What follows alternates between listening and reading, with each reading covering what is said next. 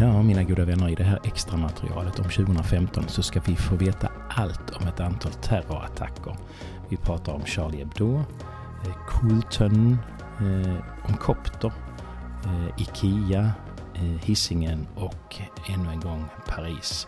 Men vi avslutar i positiv anda och pratar om Moder Teresa. Välkomna! Vi börjar i januari. 7 tycker jag. januari så eh, Började i Frankrike direkt. börjar vi i Frankrike direkt. För då sker ju den här extremt omtalade attacken på Charlie Hebdo. Som då är en riktigt vass satirisk tecknad eh, tidning som kommer ut, eh, ja, det är- väl månadsvis skulle jag Mm. tro, kanske ännu oftare. Eh, där då... Veckovis har du. Ja, det är ju en hebdomadär så det borde ju faktiskt vara eh, en veckotidning. Ja, det är rätt. Eh, det är därför den heter Hebdo. Aha. Det betyder veckotidning i alla fall. Eh, eh, Det är ju rätt roligt att veckotidningar kommer ut månadsvis Så att jag tror vi kan konstatera vi, att vi, kan, vi kan nog, vi kan nog Ja. slå fast att den sannolikt kommer. I alla fall gjorde den det när den namngavs. kan ju ha ändrats sen dess i och för sig. Så kan det vara. Eh, men 12 personer dödas ju då där. Det är 11.30 på förmiddagen så är det då två bröder som heter Said och Sheriff Kouachi. Som går in på tidningens redaktion då i centrala Paris och öppnar eld med automatvapen. Eh, de, attacken var ungefär fem minuter och det är då alltså som sagt 12 människor som dödas och 11 personer skadas. Och bland de mördade då finns ju då flera av de här eh, väldigt i Frankrike välkända och renommerade serietecknarna som heter, de har här artistnamn, de heter Cabou och Charb och Tignou. Eh, Georges Wolinski är väl eh, ansvarig utgivare. Och sen är där någon ekonom och någon kolumnist och sånt där också. En psykoanalytiker också som är där som eh, Mm. får...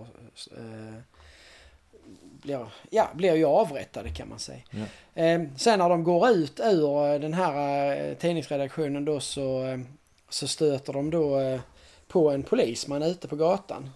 Ja. Eh, som eh, försöker ju stoppa det. Han skjuter mot deras bil och då skjuter de först honom och sårar honom. Sen går de ur och så gör de som man gjorde med Alexander. Man går fram och så avrättar man honom på, Mm. med ett skott, påliggande skott i stort sett. Det är även två poliser inne på redaktionen som dör och de är livvakter till de här. De, där är sån, de är medvetna om att det finns en hotbild Ja, ja. i, ja, i bakvattnet av det här med rondell- rondellhundar och allting Mhm. sånt. Så de har livvakter. Ja, ja. Eh, så där är två där som också eh, dödas. Eh, sen är det en polisbil som försöker stoppa deras flyktväg och då skjuter man på den polisbilen också. Och eh, den här eh, attacken då eh, mot eh, Charlie Hebdo den är då det dödligaste terrordådet i Frankrike sedan 1961. Eh, nu kommer inte det rekordet håller Det håller inte särskilt länge, håller inte sådär Nej. jättelänge. Dagen efter då den 8 januari så är det då en annan man ifrån samma terroristcell som de här bröderna Kouachi då. Han heter eh, Amedi Koulibaly. Jag har för mig han var från, alltså hade, från, Gui- alltså han var från Guinea tror jag. Eh, han skjuter då ihjäl en polis där som heter Clarissa Jean-Philippe eh, utanför eh, en judisk skola. Mm.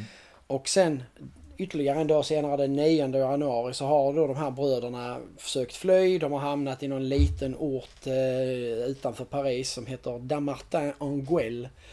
Eh, och eh, de har då eh, blivit påkomna av polisen. De har tagit sin tillflykt in i någon industrilokal och så har man tagit en, ett antal människor som gisslan där. Eh, och där, ja, där sker någon form av förhandling och sånt här under dagen men den går väl inte så bra. Eh, och under sam, eh, ungefär samtidigt som då detta utspelar sig så den här Kulibali som då sköt polisen dagen innan då får han eh, då tänker han att jag ska försöka, han ska försöka hjälpa de här killarna. Så han, då går han in i en judisk mataffär och tar en massa gisslan där och kräver då att de de här två bröderna ute i Damartin Anguel, de ska de ska släppas då, de ska gå fria annars så ska han avrätta gisslan. Mm. Frankrikes polis är ju lite annorlunda än oss. De eh, har ju lite lägre eh, li, lite lägre tak för eh, dödligt våld. Så Är det de, Germandiet du pratar om? Eller för det finns olika poliser. Nja, ja alltså det är ju en, det är, det är en gammal, en gammal eh, historisk uppdelning att Mm. Police National var i städerna och Ja, gendarmeriet var på landsbygden. Men idag så flyter det ihop Okej. lite mer och sånt där så att eh, jag, jag skulle väl ändå säga att en insatsstyrka i Frankrike borde rimligtvis komma ifrån gendarmeriet. För den är ju en, en militär eh, ett, eh, organiserad polis. Ja. Eh, I alla fall. Eh, man stormar då den här eh, industrilokalen Mm. och skjuter ihjäl de här två bröderna och ungefär samtidigt så går man då även in i den här eh, mataffären inne i Paris. Och eh, eh, skjuter ihjäl den här gärningsmannen eh, också då när han försöker fly ut därifrån. Och där i gisslandram, eh, i gisslandramat eh, på, i mataffären så, så dödas fyra stycken ur, ur gisslan. Det som finns en liten solskenshistoria i det här som ju känns eh, lite upplyftande det är att i den här affären, eh, den judiska mataffären, så finns där en, eh, en ung muslimsk malier som heter Lassana Batili.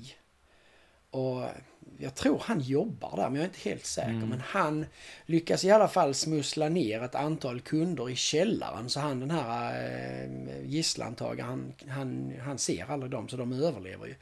Och det, när den storyn kommer fram så, eh, så blir det liksom ett allmänt upprop Mm. i Frankrike för den här killen. Och så den 15 januari så får han eh, franskt medborgarskap. Oj. Ja. Eh, så liten solskenshistoria. I, En, i, I slutet på en jäkligt mörk. Verkligen mörk. Och så kan man tänka så här, om man nu som terrorist tänker att vi vill inte att det blir så mycket uppmärksamhet kring det här veckonumret av eh, Hebdo-tidningen. Eh, låt oss gå in och, och skjuta alla. Eh, blev det lyckat? Nej, det blev det ju inte för att det brukar vara 45 000 i upplaga på den här tidningen. Och just det här numret som kommer, som då blir lite försenat men faktiskt blir utgivet bara några veckor efter attacken.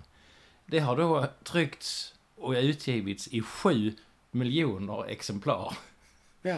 Utlandet och, och i Frankrike. Men det är samma sak. Alltså, vi har ju vårat eh, mini, eh, mini eh, ärende här i Sverige med Lars Vilks som ju ingen brydde sig om överhuvudtaget egentligen. Det var en liten Mm. eh, stollig konstnär eh, uppe på Bjärehalvön som eh, inte var speciellt talangfull och som inte speciellt någon brydde sig om.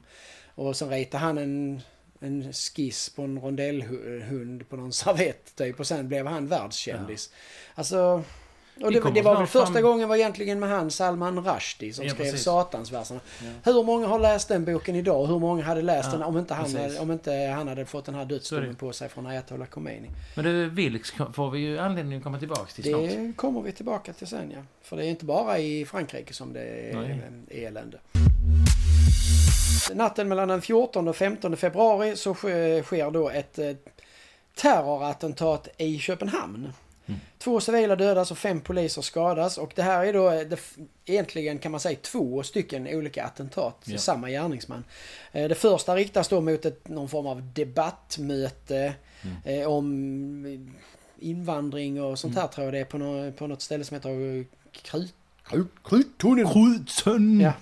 Och där är då Lars Vilks inbjuden och även Frankrikes ambassadör i Danmark. De är huvudgäster där. Ehm, Och dit kommer då en eh, gärningsman som är en i fängelse ganska svårt radikaliserad ung man som Ja. heter Omar El Hussein. Han skjuter vilt omkring sig med någon form av danskt armégevär. Eh, Han skjuter en jäkla massa skott. Jag tror det är upp mot en 50 skott. Men han är en, Men inte någon större skytt. För han träffar duktig. varken Vilks eller den franske ambassadören. Mm. De, de lyckas eh, evakueras därifrån. Eh, Och där är svensk polis på plats eftersom sedan eh, rondell, rondellhunden så Precis. följer de ju honom. Och där är någon av dem har jag för mig som blir träffad eh, och sk- skadad. Skadad men ingen polis som dör. Nej. Men däremot så är det en fi- dansk filminstruktör som går eh, runt en hörna. Och En film? Instruktör. Ja, en regissör alltså. Ja, det heter det på danska. Instruktör! Filminstruktör. Men det, nu är vi inte i Danmark. Nej, vi sant. kan ju eventuellt prata ja. svenska. Regissör. ja. Eh, Finn Nörgård. Han går runt en hörna och där eh, står den här eh, attentatsmannen och skjuter honom. Ja. Skjuter ihjäl honom.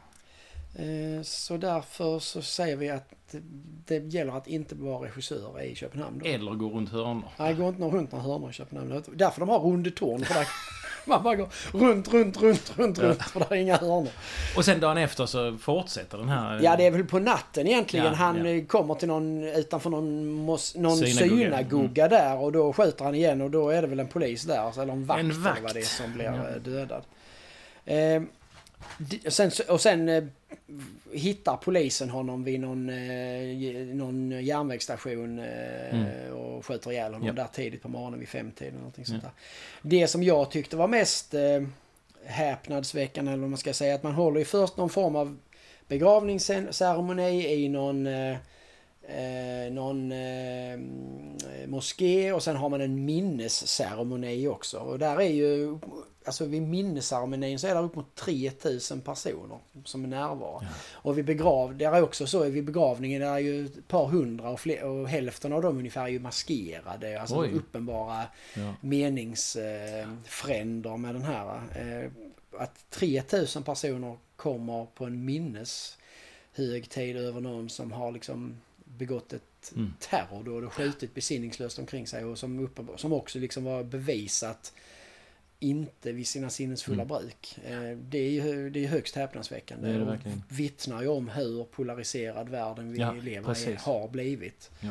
Även på våra breddgrader. En annan sak, eh, Vilks då som alltså klarar sig här. Eh, Och han har ju då överlevt angrepp både innan och efter det här. Attacker och mordbränder och så vidare. Men till sist så klarar sig inte Vilks eh, och det är ju alltså, eh, 2021.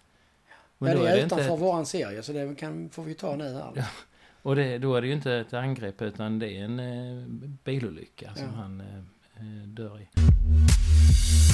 Den 15 februari, detta är ju en händelse som förmodligen inte har omtalats här alls, men jag tycker den är jätteintressant. Eh, Så är det så att 21 stycken egyptiska kopter kidnapp, de har kidnappats av IS i den libyska staden Sirte. Ja. Och tre dagar senare så halshuggs de. Eh, och de blir sen då förklarade, de här 21 koptiska egyptierna, de blir då eh, martyrer inom den koptisk-ortodoxa kyrkan. Mm. Och då är min fråga till dig, vad vet du om kopter? Kopterna, eller det vi senare börjar kalla dem helikopters. Eh, nej, jag kan ingenting såklart. Det är de heliga kopterna, det är helikopter.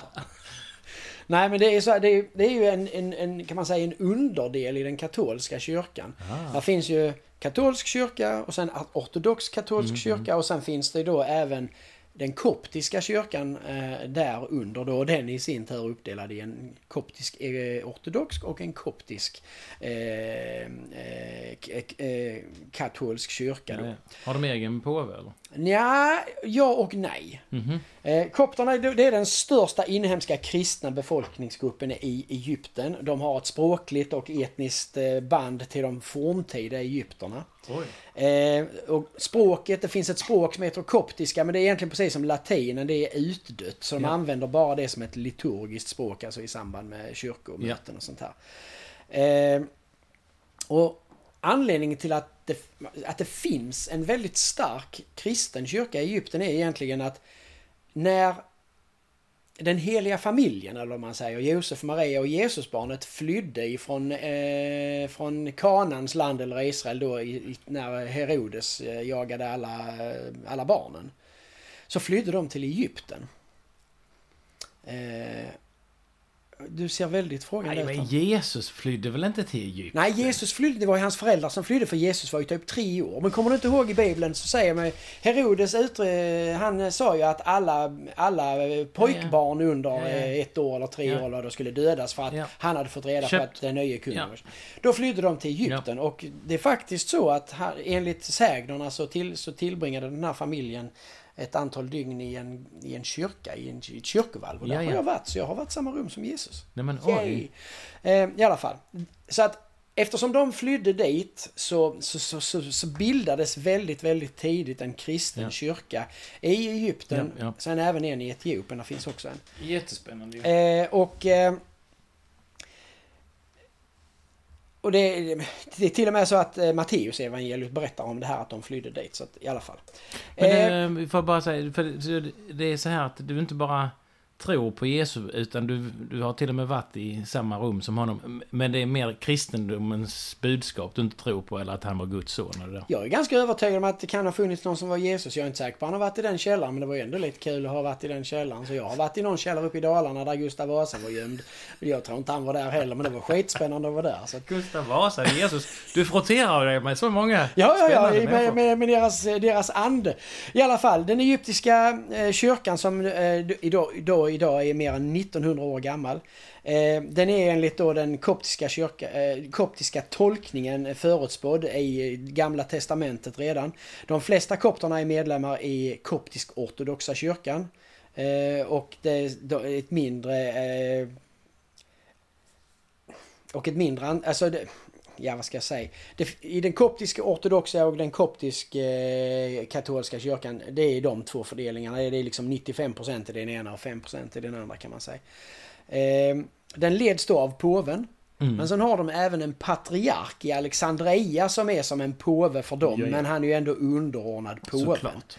Och han, den- den kardinalen då i eh, Alexandria, eller eh, patriarken i Alexandria, han är då även kardinal i romersk, eh, romersk katolska kyrkan. Just det. Eh, kyrkan är bildad av eh, evangelisten Markus 42 år efter Kristus. Och som sagt, som jag sa, den, är mer än 95% av, eh, det är alltså den, den koptisk ko- katolska kyrkan Ja. är 95% av alla egyptiska kristna. Den koptisk... Så den här koptisk-katolska kyrkan är då också en, det är en självbestämmande delkyrka kan man säga i Egypten och den står i full eh, kyrkogemenskap med eh, romersk-katolska kyrkan under påvens ledning. Eh, och de, det officiella antalet kopter i Egypten då det varierar mellan 7 och 15 miljoner ungefär. Eh, Bra jobbat Marcus. Ja, det, det, det motsvarar ungefär 10% av Egyptens befolkning. Och det är också den, då den största kristna befolkningsgruppen i Mellanöstern kan man säga. Ja. Det finns även i, i Sudan finns det också en koptisk minoritet. Ja. Eh, och det, de är då alltså, immigranter från Egypten Mm. kan man säga. Och självklart är det så att kopterna har ju i den islamska världen, framförallt i Egypten men även på andra håll, varit väldigt utsatt eftersom de har varit starkt troende eh, i en helt annan religion som inte har varit superaccepterad. eh, Ja, såklart. där finns en hel stadsdel i Kairo som jag också har besökt eh, som Mm. är eh, med, med en koptisk katedral och, Ja. och allting sånt där. Eh, ganska intressant Mycket. liten utvikning av det här. Så nu vet du allt om den rysligt. koptiska kyrkan. Ja. Sen kommer nästa spännande händelse som du då tydligen inte heller har analyserat fram som jättespännande. Men mellan den 18 och 19 mars så är det två personer som dödas och 10 till 15 personer som skadas på en skjutning, eh, vid en skjutning på restaurangen Vår krog och bar på Hisingen i Göteborg. Alltså det är i, eh, vad ska man säga, i eh, Biskopsgården. Just det. Eh, Det är tre maskerade män varav en av någon anledning är iklädd en... Alltså han har en, en, en polis, polisens reflexväst på sig. Nej, Men oj. De går in i restaurangen med eh, typ Kalashnikovs och skjuter hej vilt. Där inne sitter massor av folk och kollar på en Champions League-match i fotboll. Två av de här tre männen skjuter med automatvapen. Och då en man skjuts ihjäl inne på restaurangen och en försöker fly ut och blir avrättad utanför. Och den, jag tror han som blir skjuten av utanför, han är liksom en duktig fotbollsspelare. Han är inte, han har inte liksom någonting med någon konflikt eller något sånt här att göra. Eh, polisutredningen blir jätteomfattande. Det är på 12 000 sidor tror jag det är. Eh, det är ju åtta personer som åtalas eh, totalt sett. Det, och då, sju av dem tror jag döms i hovrätten. Först i tingsrätten och sen i hovrätten. Eh, Däremot så blir det så här, de, dö- de åtalas för mord Mhm. och mordförsök. Men sen kan man inte komma fram till vem det är av de som har skjutit eftersom Okej. de är maskerade. Så därför så måste man ändra brotts, brottsrubriceringen till eh, medhjälp till mord och Mhm. medhjälp till försök till mord. Och det gör väl inte jättestor skillnad på påföljden. För Nej. hovrätten fastställer eh, påföljden här för mig. Eh, det är i alla fall två fall då av medhjälp till mord och 24 fall av medhjälp till försök till mord som man åtalar för. Två män, Adam Ab Abdullahi och Ahmed Varsame, de döms då till livstidsfängelse. Eh, Sen får två stycken fängelse i 14 år, en i 12 år, en i 10 år och en i 5 år. Och sen är det en som friges. Och båda de här gärningsmännen, då är de ju... de är, har ju eh, eh, sitt ursprung på Afrikas horn. De är från Somalia Mm. eller något sånt här. Och de här två grupperingarna, norra och södra Biskopsgården, där är ju den ena gruppen är rätt så mycket dominerad just av Ja. folk ifrån eh, från eh, Afrikas horn. Eh, och det som är intressant med den här, om man ska säga, det är detta, jag tror detta är typ den andra dödliga skjutningen. Men detta är väl en av de som liksom verkligen sen gör att utvecklingen går dit hän där den är. Där de idag skjuter åt höger och vänster. I allt Göteborg möjligt. då alltså? Ja, inte bara i Göteborg. Det är överallt. Jaha, okej. Men innan dess, de hade skjutit innan, men då sköt Ja. de ju mer sådana varningsskott. Ja, ja, De sköt för att skrämma varandra. Mm. Men sen var det en skjutning innan denna. Och sen var det den här som då väl även sannolikt var någon form av vedergällning och sen Ja. spårade bara ur. ja. Eh, sen 26 mars så eh, är det då eh, så får då de två matematikerna John Forbes Nash och Louis Nierenberg Abelpriset för sitt arbete om med partiella differentialekvationer. Det här blev jag givetvis jätteintresserad av. Eh, John Forbes Nash, han är var jag tvungen att googla på. Ja, för jag visste vem han var men jag visste inte så mycket om honom. Men då, då är han ju en av eh, 1900-talets främsta matematiker. Och det han, han har även fått Nobelpriset i ekonomi Ja, 1994. men. Ja. Och det är en film som heter A Beautiful Mind som är gjord om honom också. Aha. Eh, sen tänkte jag Abelpriset, vad fan är det? Ja. Och då visade det sig att då är det ett norskt pris som motsvarar Nobelpriset Nämen. ungefär. För det finns, fanns tydligen på 1800-talet en jättekänd eh, matematiker eh, som hette Nils Henrik Abel. Och 2003 så beslutade då nor eh, norska eh, regeringen eller så, ja, norrmännen beslutade att de skulle dela ut ett pris. Det skulle vara ett komplement till Nobelpriset eftersom matematiker kan inte få Nobelpriset om de inte får det då i ekonomi. Ekonomi. Mm. Ehm, Så därför delas det ut. Ja. Och det som då är grejen är ju att han får det här priset 26 mars och två månader senare så omkommer han och hans hustru i en bilolycka i USA. Men Åh. min fråga till dig då, för det här borde ju du kunna. Då Ja. vill jag, det jag inte kunde googla fram, eller som jag inte Nej, ville googla fram. Det är, vad är en partiell differential, differential eh? Ja. Hör du, lilla Anders. Ehm, på mitt jobb... Visst eh, låter det sexigt På alltså? mitt jobb har jag ju eh, 20 personer som alla har eh, fem års utbildning i matematik. Så att eh, jag återkommer när jag har pratat I med dem nästa om avsnitt så, får, så kommer du, och, kommer Ja. du att ha en, Ja. en, en klockren förklaring över vad det är. Det är ju inte så svårt att reda ut. Nej, han fick tydligen Nobelpriset för spelteorier. Det Ja, ja. vet inte riktigt. Men Men, spelteori vet vad det är. ja, det, det, det är ju lite lättare att ha en, i alla fall en idé om vad det skulle kunna innebära. 10 augusti så är det en 36-årig eritrean som heter Abraham Ukba Gabeir som går in på Ikea i Västerås och beväpnar sig med en kökskniv från varuhusets husgerådsavdelning och eh, hugger ner två stycken eh, personer. En, en shoppande kvinna, 55-årig kvinna och hennes 28-årige son. Usch. Båda offren dör av sina skador och eh, Ukba, Ukba, Gaga, Ukba Gabeir han eh, försöker sen skära sig själv. Bra. Och det, någon timme innan det här dådet så har han då fått ett utvisningsbeslut av Migrationsverket och tappat besinningen och han döms till livstidsfängelse. Eh, Det blev säkert inte utvisning på det heller så att han får väl stanna i livstid då kanske. Eh, sen den 6 augusti så har det gått 70 år sedan eh, atombomberna över Hiroshima och Nagasaki. Eh, och det är ju eh, såklart någonting som högtidlighålls. Det bara, eh, jag tänkte på atombomberna. Einstein, eh, han eh, flydde ju från Tyskland till, Ja. till USA. Framförallt Oppenheimer ju. Aha. Framförallt han eh, Robert Oppenheimer som är den som skapade Ja, atombomben. ja, men eh, nu pratar vi om, jag var så med Einst- Einstein, han var ju, han var ju delaktig i det också. Med, Ja, han, ja, han, inte, inte han var ju, han var ju fysiker som la grunden till väldigt mycket av den teknologin som sen användes. Och eh, han ville ju verkligen inte att USA skulle använda bomben annat än som försvar om Tyskland då skapade en bomb. Så han blev lite sur när de släppte bomberna i, i Japan. Nog fler än honom som blev rätt sura skulle jag säga. Jag tror kanske inte han var överst på surhetsindex. Allvarligt, jag har en jättefin anekdot och du bara tar död på den att jag är världens övriga miljarder människor tyckte också det var De tyckte det var kanon. Vilket fint fyrverkeri. Men, Så, men fortsätt- Einstein han blev sur. Fortsätt du med dina Ja. historier. Jag klankar inte ner på dina historier. Men Vi sa ju att Frankrike har ett dåligt år 2015. För sen den 13 november då slås ju det här eh, rekordet som eh, eh, Charlie Hebdo, det var ju det mest dödliga sen 61. Ja, ja. Men det slås ju med, med, med hästlängder här. Då, för den dagen så är det 130 människor som dödas och 430 som skadas i ett samordnat terrorattentat med skottlossningar och explosioner på sex olika platser i Paris och då i förorten Saint-Denis.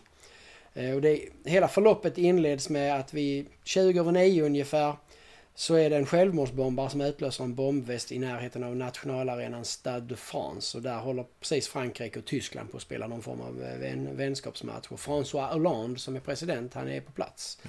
Eh, sen 10 minuter senare så detonerar en andra bomb utanför stadion där. Eh, och fem minuter innan det, 21.25, så öppnar personer eld med automatvapen från någon, en Seat, en, en bil, alltså en Seat Leon, eh, mot, mot gäster som sitter på uteserveringar utanför restauranger på eh, en, en, två restauranger som heter Le Carillon och Le Petit Cambodge. Och där dödas 14 personer och 10 skadas. Ehm, samma bil passerar sen 21.32 en, annan- en annan restaurang som heter Café Bon Bière. Och där dödas fem och åtta skadas. Eh, Och sen fyra minuter senare, 21.36, använder, anländer den bilen till Rue de Charonne och där beskjuter man då gäster på en restaurang som heter La Belle Equipe och där dödas 19 personer och 14 skadas eh, svårt. Eh, Sen samtidigt då, eller eller lite senare, 21.40 så går tre män in på en fullsatt konsertlokal som heter Bataclan. Där är något hårdrocksband från USA som heter Eagles of Death, vilket är ganska eh, morbidt. Ehm, de har en konsert där och då går man in och skjuter hejvilt omkring sig. 89, 89 personer skjuts till döds och 300 skadas. Ehm, och enligt vittnen och sånt på plats där så, så går de runt, eh, attentatsmännen går runt bland, eh, bland de som ligger skadade på golvet och liksom sparkar på dem. Och om de rör sig och visar tecken på liv så skjuter man dem bara i huvudet liksom så. Och så log man och eh, ropade alla Allah typ. Ehm, Sen stannade de kvar i lokalerna och tog resten som gisslan. Eh, samtidigt som detta sker så är det då så detonerar en, en, eh, en, en, en annan gärningsman en bombväst inne på ett, på ett café som heter Comptoir eh, Voltaire. Och där är det då två personer inklusive förövaren själv som dödas. Och sen fem minuter efter de här attackerna, de två attackerna, då 21.45 så öppnar en attentats, eller några attentatsmän eld utanför någon McDonalds restaurang. Eh, Och där dödas fem och åtta skadas svårt. Och sen 21.53 så detonerar då en tredje och sista bomb utanför Stade de France. Och där totalt vid de här bomberna vid Stade de France så dödas fyra personer. Mm. eh, Varav två av dem är ju förövarna. Så de är inte speciellt lyckosamma. Ehm, sen eh, vid eh, ja, 20 över 12 på natten så slår då eh, den franska insatsstyrkan till mot Bataclan och fritar gisslan. Och där, där skjuts eh, en av eh, att- attentatsmännen till döds och de andra två de spränger sig själva i luften. Mm. Och dagen efter så anklagar då Frankrikes president de här dåden för att de är, han, sä- nej, han kallar dem eh, terrordåd och att de är organiserade då av eh, islamistiska eh, is- islamiska staten. Mm. Eh, och de tar även på sig ansvaret. Ja. Så eh, ja, det, det måste ju vara Det är inget bra ord för Frankrike. Nej, det är inget bra för Frankrike. Alltså vi pratar 130 döda och, och över 400 skadade. Mm. Den 18 december så meddelar eh, Vatikanen att de ska eh, helgonförklara Moder Teresa under nästkommande år då. Och hon är ju då känd för sitt arbete med fattiga i eh, Calcutta. Eh, och hon kommer... Eh, ja, hon ska då helgonförklaras. Och Moder Teresa kallas ju då för rännstenens helgon eller Sankta Mm. Teresa av Calcutta. Och hon är född som Angese Gonche Boyakshu den 26 augusti 1910 i Skopje. Och det ligger ju i Oj. typ... Eh, Mm. då var det ju Osmanska riket som du pratade om innan men nu ligger det väl typ i Nordmakedonien eller Något något. sånt ja. Mm.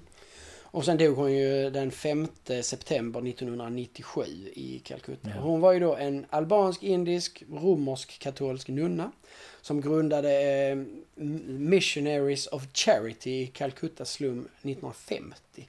Och sen i över 45 år så tog hon hand om fattiga, sjuka, föräldralösa, föräldralösa, föräldralösa och döende. Eh, och hon eh, expanderade ju eh, det här Mission- Missionaries of Charity. Först i Indien och sen till 610 olika platser i 123 länder. Och hon fick Nobels fredspris, fredspris 1979 och saligförklarades 2003.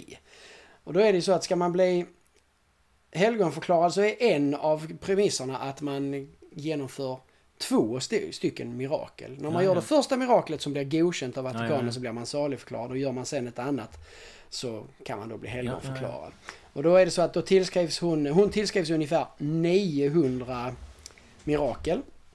Eh, och två har erkänts av Vatikanen. Första var någon magsjuk indisk kvinna som blev frisk när hon bad för henne. Och den andra var Ja. någon brasiliansk man med hjärntumör som eh, skulle opereras och sen låg han på hospice och sen plötsligt så satte han sig upp och sa vad gör jag här? Och så var Ja, han ja. frisk. Eh, och då var det var detta som då ledde till eh, eh, salig och Mm. hel, helgonförklaringarna. Sen och hon blev ju, hel, hon blev ju helgonförklarad Mm. sen i eh, september 2016.